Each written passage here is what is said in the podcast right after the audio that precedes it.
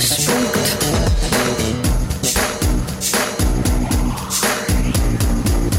plusspunkt. tervist, hea Plusspunkti kuulaja. uus hooaeg Plusspunktis on alanud ja sellega seoses on ka tulnud kaks uut saatejuhti. mina olen nendest üks, minu nimi on Johannes Ots ja minuga koos on saates Regina Virmo. ja täna me teeme seda saadet kahekesi. Põhjus on selles, et äh, me natukene saame omavahel äh, tuttavamaks, lähedasemaks ja niimoodi on meil lihtsam tulevikus saateid teha. ja teine põhjus on ka selles, et, sina kui kuulaja saaksid ka meiega paremini tuttavaks ja selle läbi äh, oleks ka teil võib-olla natukene parem kuulata meid tulevikus, kui te teate natuke rohkem detaile meie elust ja saate ka siis sellega kaasa mõelda, millest meie räägime, saate mõelda, kuidas see teie eluga seondub ja kuidas äh, oleks siis äh, võimalik äh, midagi siit saates ka endale kaasa võtta. aga ma siis alustan kõigepealt sellega, et ma räägin, et kes ma olen ja millega ma tegelen. nagu te juba saate alguses kuulsite, siis minu nimi on Johannes Ots. olen kristlane, olen Tartu Ülikooli tudeng, õpin sotsioloogiat äh, kolmandal kursusel juba ja ma olen ka erinevate noortetöö äh, tegevustega seotud Tartu pastoraadis, kus me täna saadet teeme, kui ka mujal Tartu linna peal näiteks. ja olen siis olnud kristlane terve oma eluaja, mul on neli õde ja mitte ühtegi venda ja mul on väga armastavad ema ja isa et selline inimene olen siis mina.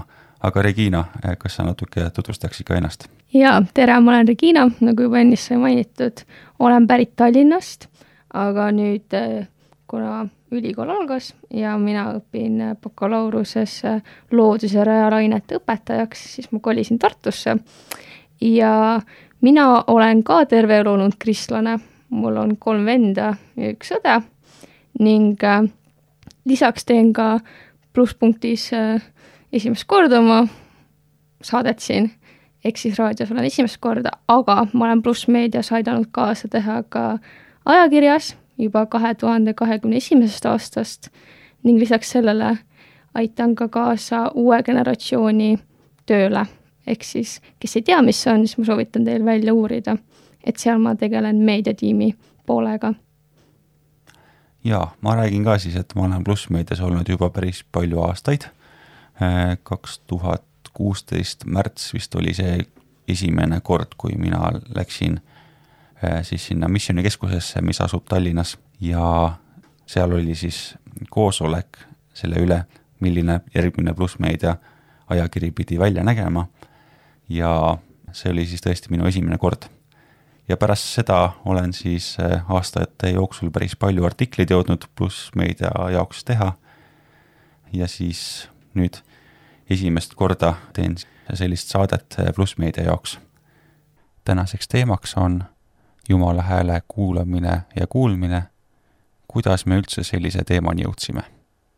ka mina arvan, et äh, Jumala häält on eriti vaja kuulata, kui me oleme sellises sotsiaalmeedias, mis on hästi palju erinevaid suundusi, valdkondi, maailm on hästi suur, lai, inimestel on hästi palju oma arvamusi, väga palju hääli tuleb, saatan samamoodi üritab vahepeal meile mõtteid pähe panna. Ja siis ma mõtlesingi, et kui mul on siin uued tutvused, uued seiklused, inimestel samamoodi, ma arvan, kes ka koolis käivad või tööl käivad juba, et kuidas ma siis kuulan seda Jumala häält või kuidas ma teen neid valikuid Jumala kasuks. Ja siis ma leidsingi sellise teema.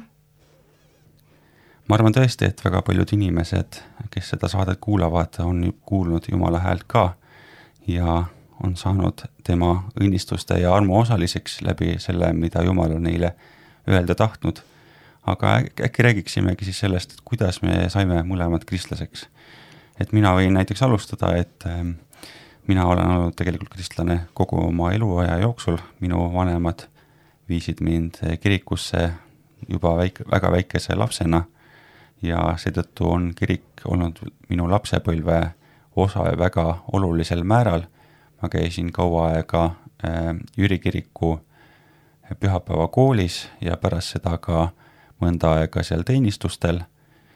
ja olen Jumala kutset siis kuulnud läbi erinevate allikate, kas siis selleks on olnud mingi teine inimene või on olnud äh, piibel või on olnud äh, sellise püha vaimu puudutuse läbi, mida ilmselt inimesed kõige elavamalt äkki siis tunnevad, kui Jumal neid kuhugi kutsub. kuidas sinuga lugu on?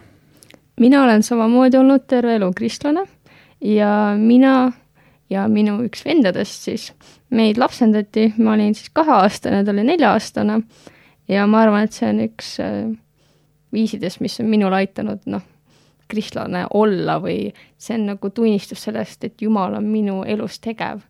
ja ma samamoodi Tallinnas kasvasin üles ja ütleks, et selline usu algus sai võib-olla jah, lapsepõlves küll, sest mu vanemad on kristlased ja vedasid ka mind kirikusse, aga see isiklik suhe algas võib-olla siis, kui ma olin kuskil kolmteist, neliteist, et siis, kui teismeiga tuleb, et siis noor hakkab ikkagi mõtlema, et mis selle elu siis point on ja miks ma siin lihtsalt eksisteerin.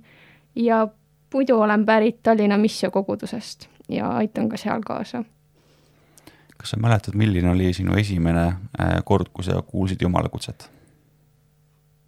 vot sellist asja ma vist väga ei mäleta, aga ma arvan, et see oli kindlasti huvitav sellel ajal. sest et kui on, inimene on noor, siis ta võib-olla mm, üritab ise hakkama saada, aga kui temal on need inimesed kõrval, kes teda juhivad, siis ta saab aru, et ta ei pea keskenduma ainult endale, vaid see koostöövalmidus ja ka teised, kes juhivad ja kes teavad siin võib-olla paremini, näiteks vanemad või siis mingisugused pastorid, mentorid, kes sul on, et nemad võib-olla juhivad sind võib-olla eriti rohkem sinna Jumala teele. kas sa mäletad mingit esimest äh, kogemust või üritust, kas enda koguduses või kusagil mujal, äh, kus sa siis pididki midagi tegema hakkama? Sellist asja ma täpselt ei mäleta, aga ma mäletan, et mul oli südames aidata kaasa oma koguduse meediavaldkonnale ja ma praegu ka tegelen seal arvutitega, sõnadega ja nii edasi, kõik see muusikavärk ja see tuli mulle südamesse, kuna meil, kui koroonaaeg hakkas, ma mäletan, et oli vaja teha neid ülekandeid ja keegi teine ei olnud väga valmis tegema. Ja kuna mul oli koolis, kui ma käisin gümnaasiumis, oli võimalik õppida arvutit ja meediat ja kõike, siis see asi kuidagi südamest tõusis üles ja jumal ütles, et löö ka kaasa ja ära lihtsalt istu niisama. aga Regina, räägi siis, kuidas sina siia plusspunkti saatesse sattusid? kuna Plussi ajakiri ilmub nüüd talvel viimast korda, siis äh, mul on südames teha tööd edasi, kuna mul on enda arvates äh, Jumala poolt antud oskusi tegutseda meediavaldkonnaga, samamoodi ka kirjutamisvaldkonnaga ning ka rääkida ning toeks olla, siis äh, südames oli edasi liikuda, et leida siis uus väljund. mõtlesin, et saateid teha on liiga keeruline, kõik see kaameratöö ja kuna ma nüüd Tartus elan, et siis sinna Tallinnasse jõuda on päris keeruline ja siis äh, raadio kõlas kuidagi selliselt äh,, et võiks kätt proovida ja võiks kampa lüüa.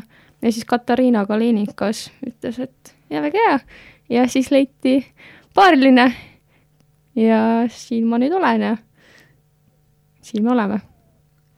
mina jõudsin plusspunkti saatesse äh, samuti läbi Katariina, et äh, ta oli siis Pereraadio hommikuprogramme varem kuulanud ja ta mõtles, et kuna ta tahab Reginat kaasata siia raadiotöösse, et siis oleks hea, kui oleks keegi kõrval ja muidugi me teeme plusspunkti saateid alati äh, kahekaupa, et alati on keegi teine olemas ka, kellele toetuda võib-olla või siis kellega rääkida ja äh, ta võttis siis minuga ühendust, ütles, et ta on väga õnnelik selle üle, et ma väga head raadiotööd teen pereraadios ja siis kutsus mind ka siia, et ma oleksin Reginal kõrval.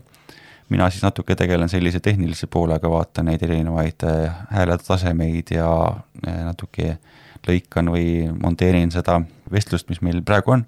Ja et äh, siis mul oli selline nagu oskus juba varem olemas, et siis selle tõttu oli, oli hea ka mind kaasata, et võib-olla siis Regina on see nagu peasaatejuht ja mina olen see, see kaasassaatejuht või siis see inimene, kes seal kusagil tagataustale midagi teeb. et siis, kes see nagu äh, fookus jääb siis ikkagi Regina peale, loodetavasti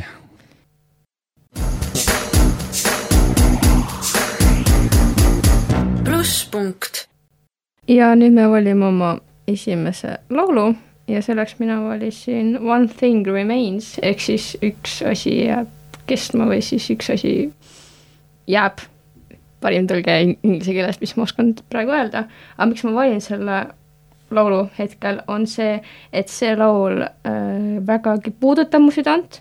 Ja see räägib sellest, et Jumala armastus jääb kestma, see ei anna alla ja Jumal tahabki, et me oleksime tema armastuses, siis me oleme julged ja meie süüd on kaetud ja mitte miski ei saa meie elu Jumala armastusest lahutada. nii et see kannab mind läbi hetkel, kui ma olen siin Tartus ja mul on uued olukorrad ja uued tutvused ja õpingud on ka sellised äh, uued. nii et kuulame seda huvitavat laulu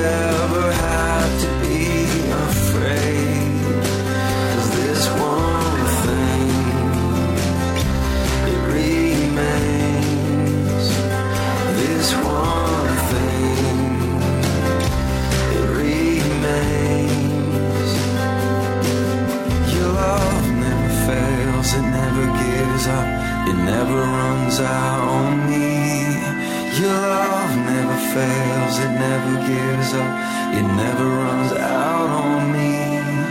Your love never fails, it never gives up, it never runs out on me.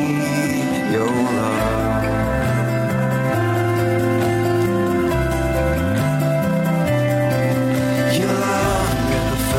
It never gives up, it never runs out.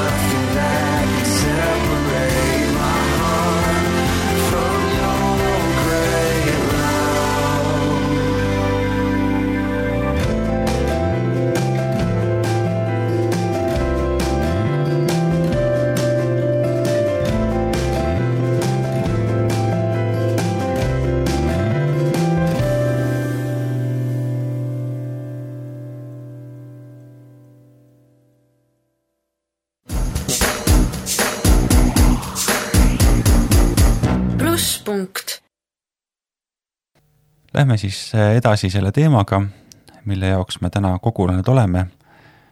tänaseks plusspunkti teemaks on Jumala hääle kuulamine ja kuulmine.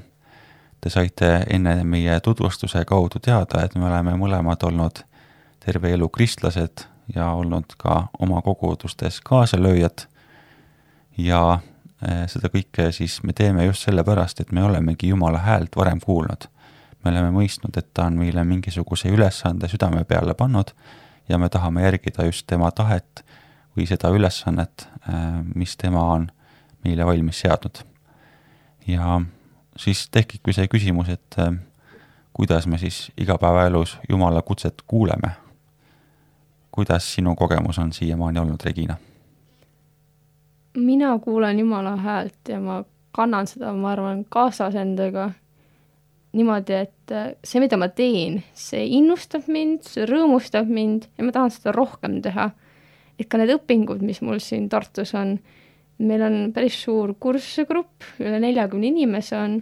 Ma näen, et ma nagu sobitun sinna, gümnaasiumis oli samamoodi, ma näen, et ma sobitun sinna ja ma näen, et need asjad, mida ma õpin, need inimesed, kellega ma koos õpin, et mind on sinna vaja, et see nii-öelda kuskil puudub pusletükk, aga jumal on selle nagu spetsiaalselt pannud sinna, et kas siis toetada teisi inimesi, saada loomulikult ise ka teadmisi ja kogemusi ja siin seda saadet samamoodi tehes kuna see rõõm on südames ja see tahtmine Jumala riiki kaasa anda, oma panust, siis ma näengi, et Jumal kõneleb ja ma saan vastata sellele. ja siis ma saan Jumala riiki edasi viia. Aga kuidas, Johannes, sina igapäevaelus Jumala kutset kuuled? ma kuulen läbi selle, mida ma olen õppinud, ehk siis piiblist.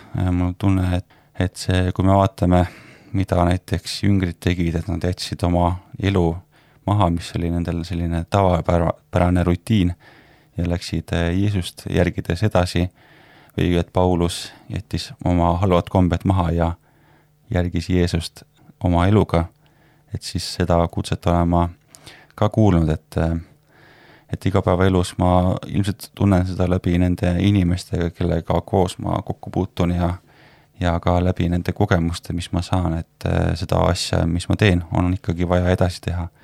et seda ei saa lihtsalt niisama maha jätta ja otsustada, et ma nüüd hakkan nii-öelda oma elu elama ja ma teen neid oma valikuid edasi, vaid et äh, tegelikult see otsus peab tulema ikkagi nagu südamest ja, ja et siis nagu seda kutset kuulebki läbi selle, et äh, ma näiteks hommikul ärkan hästi varakult üles, et siia pereraadiosse tulla mingit hommikuprogrammi tegema iga inimene, kes äh, ei ole kristlane, et võib-olla selle, ei läheks nagu sellele mingit mõtet, et sa tuled siia rääkima mingisugusest usust äh, siia raadiosse ja, ja sa ärkad selle pärast nagu hästi varakult ülesse. aga ma tunnen, et ma, mul on vaja seda teha ja kui ma olen saate ära teinud, siis mul on alati hea meel, et äh, ma sain millegi erilisega jälle hakkama, sest iga saade on eriline ja igad inimesed, keda ma intervjueerin, on erilised ja need et need sõnumid, mida nad tahavad meile edastada, et eh, need on ikkagi nagu väga olulised.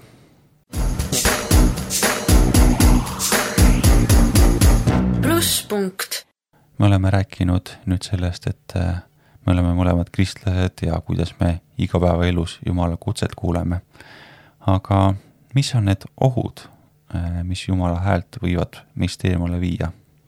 teiste inimeste arvamuste kuulamine või noh, jah, sa kuulad neid, aga siis hakkad nende järgi tegema, enne kui sa oled üldse ennast võib-olla läbi katsunud, Jumalaga koostööd nii-öelda teinud, et sa oled piibli lahti võtnud, et keegi ütleb midagi ja siis ma lähen kohe ja jooksen. Ja ka need erinevad tunnetused võib-olla, mis meil südames on. ma ei ütle, et nagu süda ei tule järgida, kui Jumal meil elab südames, aga jällegi katsuda läbi, sest vahepeal saatan võib ka panna meile südamesse asju, mis võivad tunduda alguses väga head aga hiljem need võivad lõppeda vägagi halvasti. ja ütleme, et minul oli üks selline periood elus, see oli vist üheksanda või kaheksanda klassi ajal, ma nägin sellist unenägu, kus, see oli mõnes mõttes ilmutus, ma pikalt sellest ei räägi, aga saatan oli seal karuna presenteeritud ja siis ta tuli, tahtis mulle kätt külge panna, aga siis tuli Jumal. Ja see oli minu jaoks vägagi huvitav unenägu. See juhtus minu arust märtsikuus, see unenägu, ma nägin seda siis märtsikuus ja siis äh, maikuus oligi selline periood mul, kus ma olin vägagi keerulises situatsioonis, koolis oli raske, kodus oli raske, jumala häält ma ka väga ei kuulanud. Või noh, ei kuulnud, ei kuulanud, nii et ma ei mäleta enam, kuidas ma sellest perioodist üle sain, aga jällegi, inimesed, kes sul ümber on, aitavad sind. Ja tihti ka need äh, situatsioonid, kus me ei kuule Jumala häält. Ja siis, kui me oleme seal kõrbeperioodis, siis otsides seda lätet ja seda vett, siis me hakkame jällegi taas minema oaasile lähemale. Ehk siis leida ka nendes raskustes, kui me ei kuule Jumala häält, otsida üritada proovida veel otsida Jumalat, otsida kaaskristlastelt nõu ja abi. jah, mina tunnen, et mul on see oht olnud, et, et ma lihtsalt ähm, jään oma igapäevaelu rutiini keskel äh, väga kinniseks inimeseks või siis inimeseks, kellel ei ole üldse vaba aega ja seetõttu äh, ei leia isiklikku aega Jumalaga koos olemiseks. ja kui seda aega ei ole päris pikalt olnud juba, siis on ka loomulik, et äh, ma enam ei, ei kuule seda, mida Jumal on mulle öelnud, öelda tahtnud või, või ei kuule just seda, sellepärast et äh, minu enda mõte on kusagil mujal mingite muude asjade peal ja sellele nagu teele või rutiinile tagasi saada on päris keeruline. Eriti veel siis, kui äh, selline tunne on, et, äh, et ma lihtsalt ei, ei suuda või mingisugune nagu probleem on tekkinud, et äh, võib-olla mõtlen, ma saan kuidagi ise hakkama. aga muidugi see on väga selline libe tee, et sa võid küll mõelda, et sa saad ise hakkama, aga ühel hetkel sa saad ikkagi aru kristlasena, et see ei ole ikka päris nii, et, et mingil hetkel on selline nii-öelda jutumärkides armuaeg, aga siis ühel hetkel midagi nagu lööb sulle otseselt nagu näkku ja, ja sa saad aru, et see nagu lihtsalt ei ole enam võimalik ise hakkama saada, et sul on vaja kellegi abi. et uuesti püsti tõusta ja, ja uuesti edasi minna oma eluga. plusspunkt ja nüüd räägime sellest, et kuidas me saime endale kutsed Jumala teenimiseks ma mäletan seda, et kui mina olin kuskil kaksteist, kolmteist, siis ma käisin enne piibilugemislaagrites ja juba seal ma nägin, et inimesed on hästi toredad, teeniva südamega ja hästi sellised Jumalale pühendunud. ja siis mul tekkis ka tahtmine, et noh, et ma tahaks ise ka ja kuna ma olin juba sellises vanuses, et noh, et laps on nagu kuskil seal kümne elu, eluaastani ja noored on kuidagi ka võib-olla liiga vanad minu jaoks, ma mõtlesin, et aga kuidas ma seda väljendada saaks. ja siis minu piiblilugemuslaagri, ma ei mäleta, kas ta oli mu teine mentor, ma käisin kahes laagris ja tema suunas mind äh, metodisti kirikusse Tallinnasse, kuna meil endal on vägagi väike kogudus ja meil oli vägagi vähe noori, sellel ajal meil noortekad ei toiminud. ja mina läksingi metodisti kirikusse ja sealt ma sain oma noorte tee alguses nii-öelda ja ma käisin seal kolm või neli aastat ja ma käisin seal erinevates laagrites. Ja siis mul tekkis ka küsimus, et kõik seal teevad midagi, kes on pastor, kes on ülistuses kaasategev, mõni näitab seal sõnu ja siis ma mõtlesin jumal küsida ka, et mida ma teen või miks ma lihtsalt olen siin või kas ma lihtsalt ainult tarbin või kas ma aitan kaasa? Ja siis ma mäletan, üks palve oli küll Jumalale, et Jumal, palun aita mul leida seda, milleks sa mind kutsunud oled esimesest klassist peale ma olen tahtnud õpetajaks saada, et see nii-öelda maailma kutsumine ei ole muutunud, mõnes mõttes, et kuidas maailma inimestega töötada, aga mul oli vaja ka veel väljundit, et kuidas ma saaksin ka kristlikkusse maailma kaasa panustada. Ja nüüd ma näen, et see plussmeedia tiim, mis mul siin on ja kus ma tegev olen ja ka uue generatsiooniga, et kui ma seda meediatiimi seal juhin, et ka see on mulle andnud jällegi juhi rolli mõnes mõttes, mis on vastutus, aga samas see annab seda jõudu ja julgust edasi minna. aga Johannes, kuidas sinuga on? ma võin rääkida sellest, et kuidas mina sain Tallinna Jaani kiriku noortejuhiks. Ehm, räägin sellest ainult eh, sellepärast, et tegelikult neid kutseid on olnud päris palju minu elus juba aga et kui midagi ühte erilist esile tuua, siis ilmselt see noortejuhiks saamine on üks erilisemad neid nendest. et ma olin Põltsamaal toimuval ELK piibli ja missiooni kursusel üks siis sellistest tudengitest ja selle õppimise käigus oli vaja ära teha ka üks praktikaosa, mis nõudis siis seda, et inimene läheks oma kogudusse või oma kogukonda teenima mingisuguse kristliku tööga ja selle läbi, et meist saaks siis äh, kirikus sellised aktiivsed te tegutsejad või siis äh, töötegijad. ja mina võt-, võtsin endale ülesandeks, et ma peaksin tegema Tallinna Jaani kirikus äh, noortetööd. ma olin Tallinna Jaani kiriku noortetööga juba varem kokku puutunud, mind oli sinna varem kutsutud päris mitmeid kordi ja ma olin seal regulaarne külaskäija mitte, või külastaja või siis ma ei teagi, kuidas seda nimetada, ilmselt mingisuguse kiriku noorena siis. ja äh, ma pidin leidma siis missiooni kursuse jaoks mingisuguse praktikakoha ja mulle tuli südamesse, et ma peaksin Tallinna Jaani kirikus aitama noortetöid teha. ja natuke naljakas olukord oli ka selles, et et tolleks hetkeks oligi Tallinna Jaani kirikus kaks noortejuhti juba olemas ja kui mina oleks olnud seal kolmas noortejuht, et siis see oleks natukene äh, liiga vähe äh, tööd mulle andnud, et ma ei olekski saanud seda praktikat ära teha. või siis ei oleks äh, need teised noortetöö tegijad väga palju ise tööd saanud teha seal. kui ma küsisin nende noortejuhtide käest, et kas nad võtaksid mind vastu noortetööd tegema, äh, siis nad olid väga üllatunud, sest nad olid just palvetanud enne, et nad saaksid mingisuguse mees noortejuhi, sest nad mõlemad olid naised ja nad tundsid, et võib-olla nad ei suutnud hästi noorte meestega äh, suhestuda või nendega nagu ühilduda.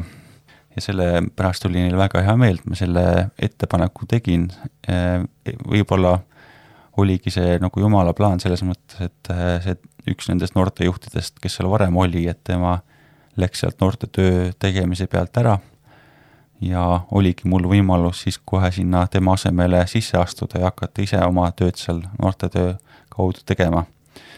Ja see töö oli tõesti väga, väga hea, sellepärast et ma olin seal kaks ja pool aastat, ma ei oleks tahtnud sealt veel ära tulla.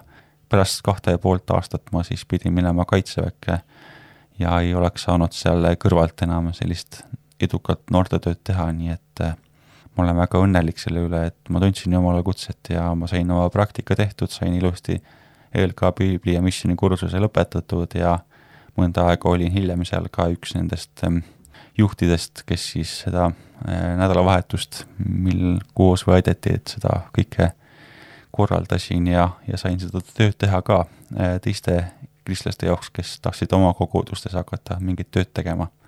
et see kõik läks nagu äh, hästi. okei okay,, ja mina räägiks veel sellest, et minul on ka südames noored olnud ja siiamaani on noortega tegelemine südames.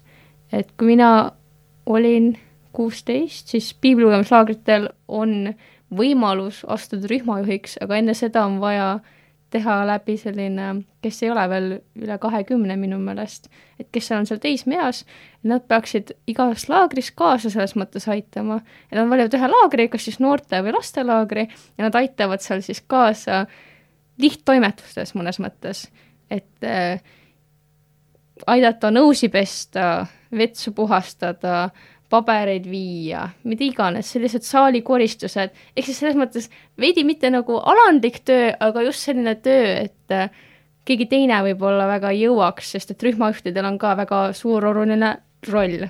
ja siis mina olin üks aasta kruuliige ja tegin ära selle nii-öelda programmi seal ja see oli vägagi silmi avav. ja pärast seda ma, eks siis üle-eelmine aasta olin rühmajuht ise ja juhtisin tüdrukute rühma, kus oli umbes kaheteistaastased. ja siis ma sain ka nii-öelda mõnes mõttes oma õpetaja karjäärile sinna boost'i juurde. et kuna ma tahan õpetajaks saada, siis ma sain proovida ja katsetada ka nende peal jah, ka minule on räägitud sellest, et äh, mina sobiksin väga hästi õpetajaks, aga mitte siis kooliõpetajaks, vaid äh, kirikuõpetajaks, vähemalt sellist juttu räägibki mulle mõni noor, kes oli kuulnud, kuidas ma olin mingisugust piiblitundi või, või sellist jutluse moodi asja teinud erinevatel üritustel, kus ma siis pidingi kas rääkima sellest, et mida Jumal on nagu minu elus tege-, teinud, noh, see on rohkem nagu tunnistus, aga ka sellest, et mida siis need erinevad kirjakohad rääkisid seal nendel teemadel, mille üle me arutlesime nendes üritustes. Ja mul oli ka see mõte vahepeal täitsa peas, et peakski nagu proovima UI-sse sisse astuda, aga ma üsna kiirelt jõudsin selgusele, et kui ma peaksin hakkama nüüd hästi palju tampima suure kiirusega äh, igasugust äh, kristlikku kirjandust, et äh, ja ma ise ei saa valida, et milliseid osasid ma loen või mis mulle nagu huvi pakub või ma võib-olla nagu natukene mandun ära ja ei suuda seda nagu tööd, mis ma praegu teen näiteks, suure entusiasmiga teha, vaid et ma hoopiski nagu kuidagi kaon ära sellesse akadeemilisse osasse. et siis ma otsustasin, et ma pean hoopis midagi muud proovima ja mulle tundub, et eh, palju Jumala juhtimist on ka, ka seal eh, olnud läbi nende õpingute ja, ja loodetavasti siis ka läbi selle töö, mida ma kunagi tulevikus teen. Ja mina võiksin lisaks öelda veel seda, et mulle on öeldud, et ma sobin ka mõnes mõttes hingehoidjaks, et inimesed usaldavad mulle oma murest ja probleeme, sest et alati isegi, kui ma ei oska vastata, siis ütlevad, et ma oskan kuulata ja ma ei räägi vahepeal vahele, sest et kui ma näen, et inimene väga tahab rääkida, ma lasengi tal ennast tühjaks rääkida ja ma tihtipeale ei tahagi nagu anda talle juhiseid, mida ta tegema peaks, vaid ma peegeldan talle tagasi tema enda arvamust, tema enda käitumisviise, kuidas ta on käitunud ja siis ma saangi nii-öelda olemas olla. ja kui ma läheks tagasi sinna piiblilugemuslaagritesse, siis ma mäletan, et kui ma olin esimene aasta rühmajuht, mul oli kolm mentordavat, mis tähendabki seda, et tuli tegeleda noore, noorega, tuli anda talle nii palju kui võimalik jumalikku armastust ja tehes seda, mis talle meeldis. et igaüks oli omal maal Jumalaga, siis ma mäletan, et kuna oli koroonaaeg, siis kolmest mentordavast kaks kukkusid ära, ehk siis jäid haigeks kahjuks ja üks jäi mul alles ja temaga oli nii huvitav see, et ta ütles mulle, kuule, ma tahaks sinuga lugeda kümmet käsku. Ja siis me arutasime temaga sellel teemal ja minu arust see oli nii lahe, et äh, mina, kes ma mõnes mõttes sattusin sellisesse tundmatusse, mõnes mõttes, kuna ma olin esimest aastat rühmajuht, aga tema kuidagi andis mulle seda rõõmu, et ma olen õiges kohas või noh, mul on teadmisi piisavalt ja oskusi ka nooremate inimestega suhelda ja nende ellu anda rõõmu juurde. Aga selleks, et teie ainult ei kuulaks seda, mida meie siin räägime, vaid saaksite ka natukene inspiratsiooni eh, muusikast, eh, mis siin saadetes ikka ja jälle on kõlanud, siis ma võtan eh, praegu sellise võimaluse ja jagan teiega ka ühte laulu, mis on ilmselt väga-väga tuntud laul, klassikaline kristlik laul, aga et siis saaksite Eh, kuulata seda ja mõtiskleda natuke selle peale, mille üle me oleme rääkinud ja selle sõnumi üle, mis sealt laulus kõlab. Nimelt ma olen suur fänn You Raise Me Up laulu vastu, et seal on nii palju erinevaid versioone, aga mina, minule meeldib kõige rohkem Josh Grobani versioon, sellepärast et seal on ilus selline koorilaul ka taga ja et see on selline hästi ülesehitav et alguses on selline hästi vaikne ja hiljem lõpus siis on selline hästi suurejooneline ja, ja võimas. et siis nüüd saame kuulata seda laulu, kes ei ole seda varem kuulnud, siis te võib-olla olete kivi all elanud, aga, aga nagu, kes te olete ikkagi varem seda kuulnud, et siis te teate juba, millest ma räägin. ja saate ka kaasa laulda, kes teab neid sõnu. Aga kui te kusagil rongis või trammis olete, siis te ei pea äh, kaasa laulma, et siis muidu äkki keegi vaatab natuke imelikult. aga igal juhul siin nüüd see saade või see laul kõlab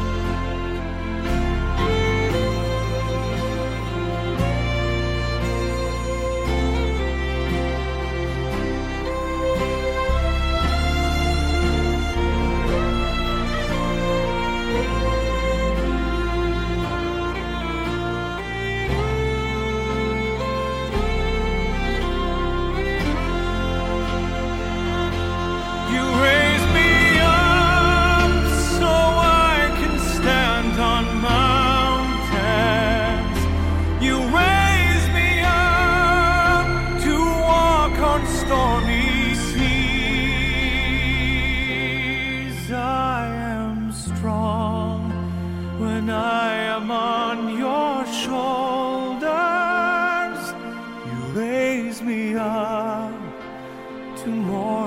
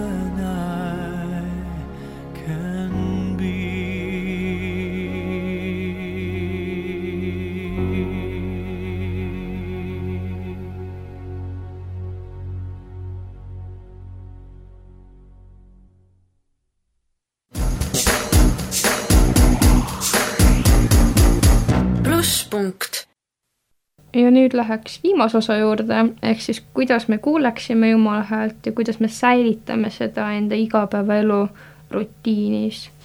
ja mina räägiks oma kogemusest, et kuidas ma kuulen Jumala häält.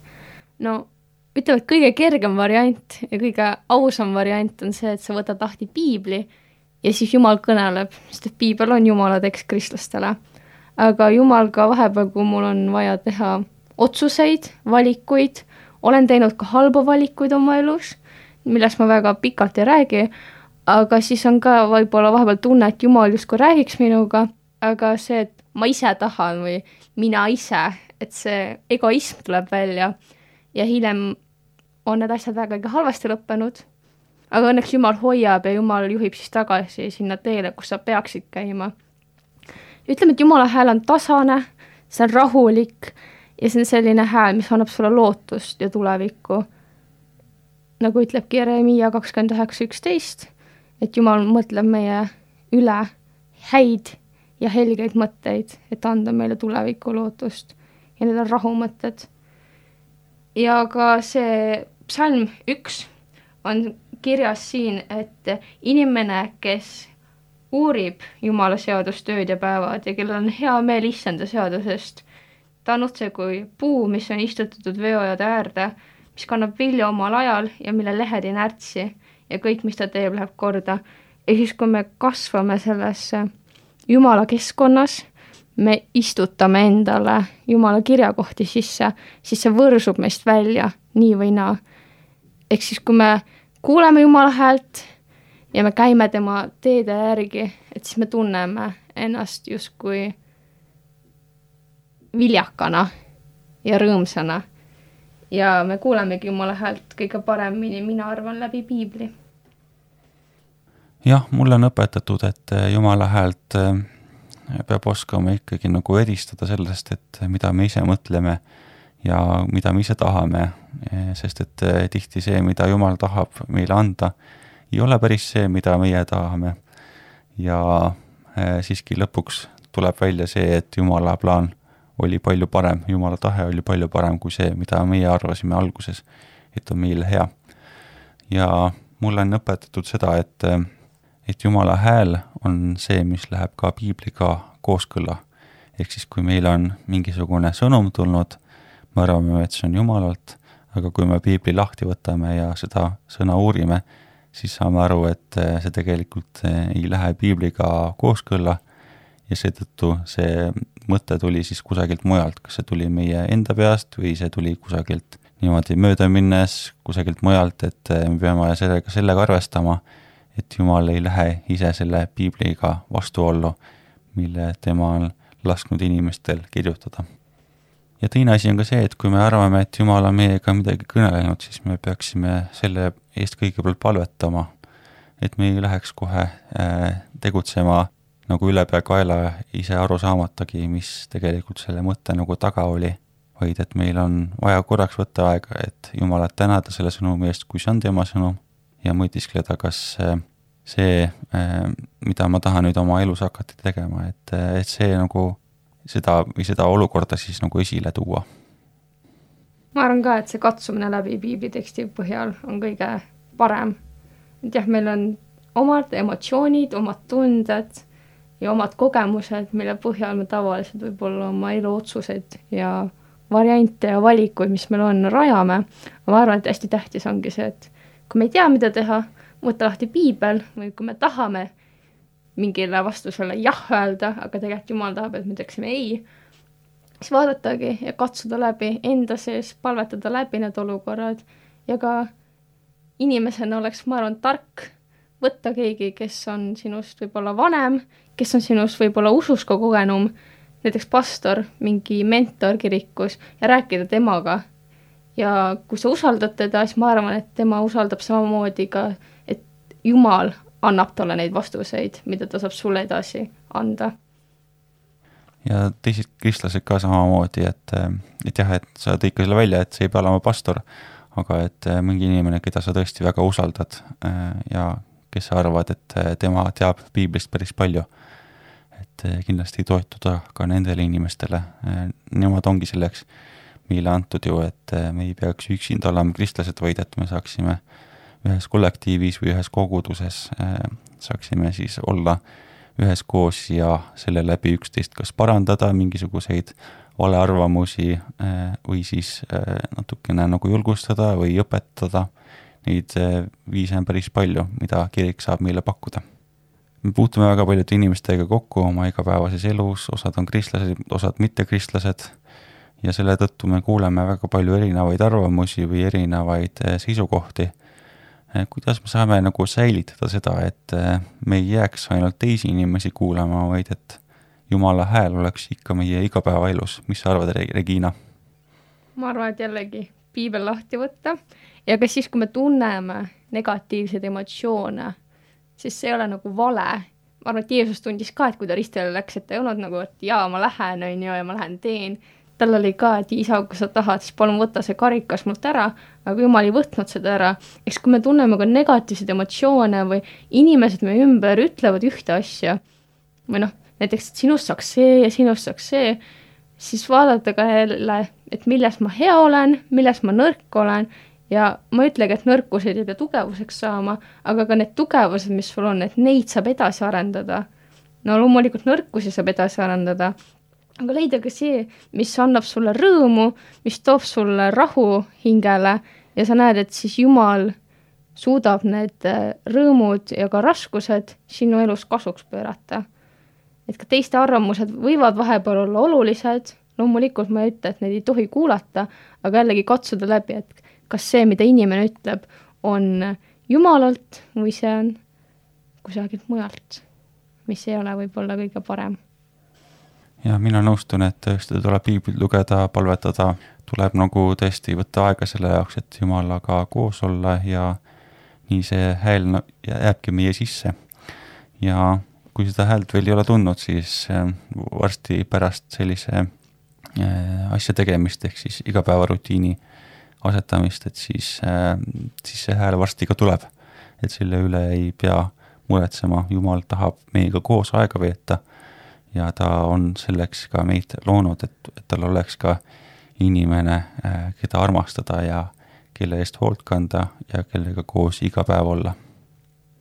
ja kui rääkidagi iga, igapäevarutiinist, et siis äh, mina harjutan seda, et enne kui telefoni lahti võtad, võiks palvetada ja viia selle tulevase päeva Jumala ette ja samamoodi, kui õhtul magama lähed, et sa tänad Jumalat selle päeva, mis on olnud.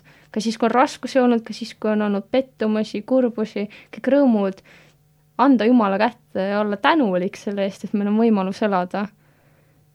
et tänulik süda, ma arvan, on väga tähtis. jah, sest ilma tänulikkuseta me ei saagi olla tänulikud äh, Jumalale, meie kõige äh, suuremale armastajale ja loojale et peame seda oma igapäevaellu ikkagi asetama väga kõrgele kohale. aga nüüd me läheme oma saate viimase loo juurde, mis siin kõlama hakkab. Ja see viimane lugu on Timo Ligelt, väga armastatud Eesti kristliku muusika tegija. Ja tema laul Õnnistame maad on hea viis, kuidas seda saadet kokku võtta, sellepärast et me kõik vajame Jumala õnnistust oma ellu, me vajame tema ligiolu, me vajame tema hääle kuulamist, mis oli, oli siis tänaseks teemaks. ja soovime teile siis ilusat päeva, hommiku õhtu jätku, ükskõik millal te seda saadet kuulate ja loodame, et te tulete ikkagi hiljem uuesti tagasi kuulama meie tulevasi saateid. kõike head! kohtumiseni!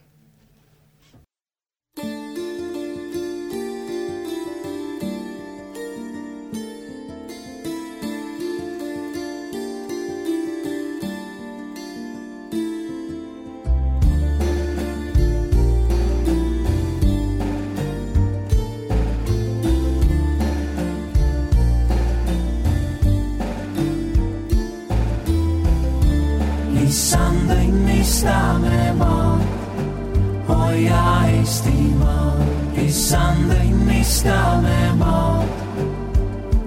halasta, issand, õnnistame maad, hoia Eestimaad, issand, õnnistame maad halasta. seda jonnakat rahvast ja kõike näinud maad seda patust ja verest läbi imbunud maad, seda jumalat salgavat ennast täis maad, seda nõidade, teadjate, sortside maad, seda uhkusest upakil kukkunud maad, seda südamevaludes vaevlevat maad, seda ise olen õnnesepp lauljate maad, seda naabri peale kaebajate vennatapu maad, seda katkiste perede ja pisarate maad, seda edukuse uimas sihi kaotanud maad, seda käputäie eestlastega väikest maad. ma palun, hoia ja õnnista meie Maarja maad. hoia ja õnnista meie Maarja maad. issand, õnnistame maad, hoia Eestimaad, issand, õnnistame maad halasta, issand, õnnistame maad. hoia Eestimaa, issand, õnnistame maad. Siis, kui oli raske, hüüdsime, palun aita meid. täna lööme vastu rinda, ütleme kõik me ise teinud. anna mõista, et on ime see, et oleme me siin. väike rahvas, väiksel maal, oma keel ja oma piir. anna armu, et me näeksime, et see on sinu arm, et meid pole tabanud saatuse käsi armutu ja karm. kuigi pöördunud me sinust oled hoidnud meie maad, ma ei tea, kui kaua aega andnud oled meile sa. aga siin ma seisan sinu ees ja Eestimaa mu südames, vajame su õnnistust ja sinu armu halastust. ma tean, et oled meie maale ainus lootus sa, sest seisma jäävad need, kes sulle, Jumal, loodavad. sulle, Jumal, sulle, Jumal. issand, õnnistame maad, hoia Eestimaa, issand, õnnistame maad. seda jonnakat rahvast ja kõike. halastame, issand, õnnistame maad, hoia Eestimaa, issand, õnnistame maad seda käpude ja eestlastega väikest maad. issand, õnnistame maad, hoia Eestimaa, issand, õnnistame maad. halasta, issand, õnnistame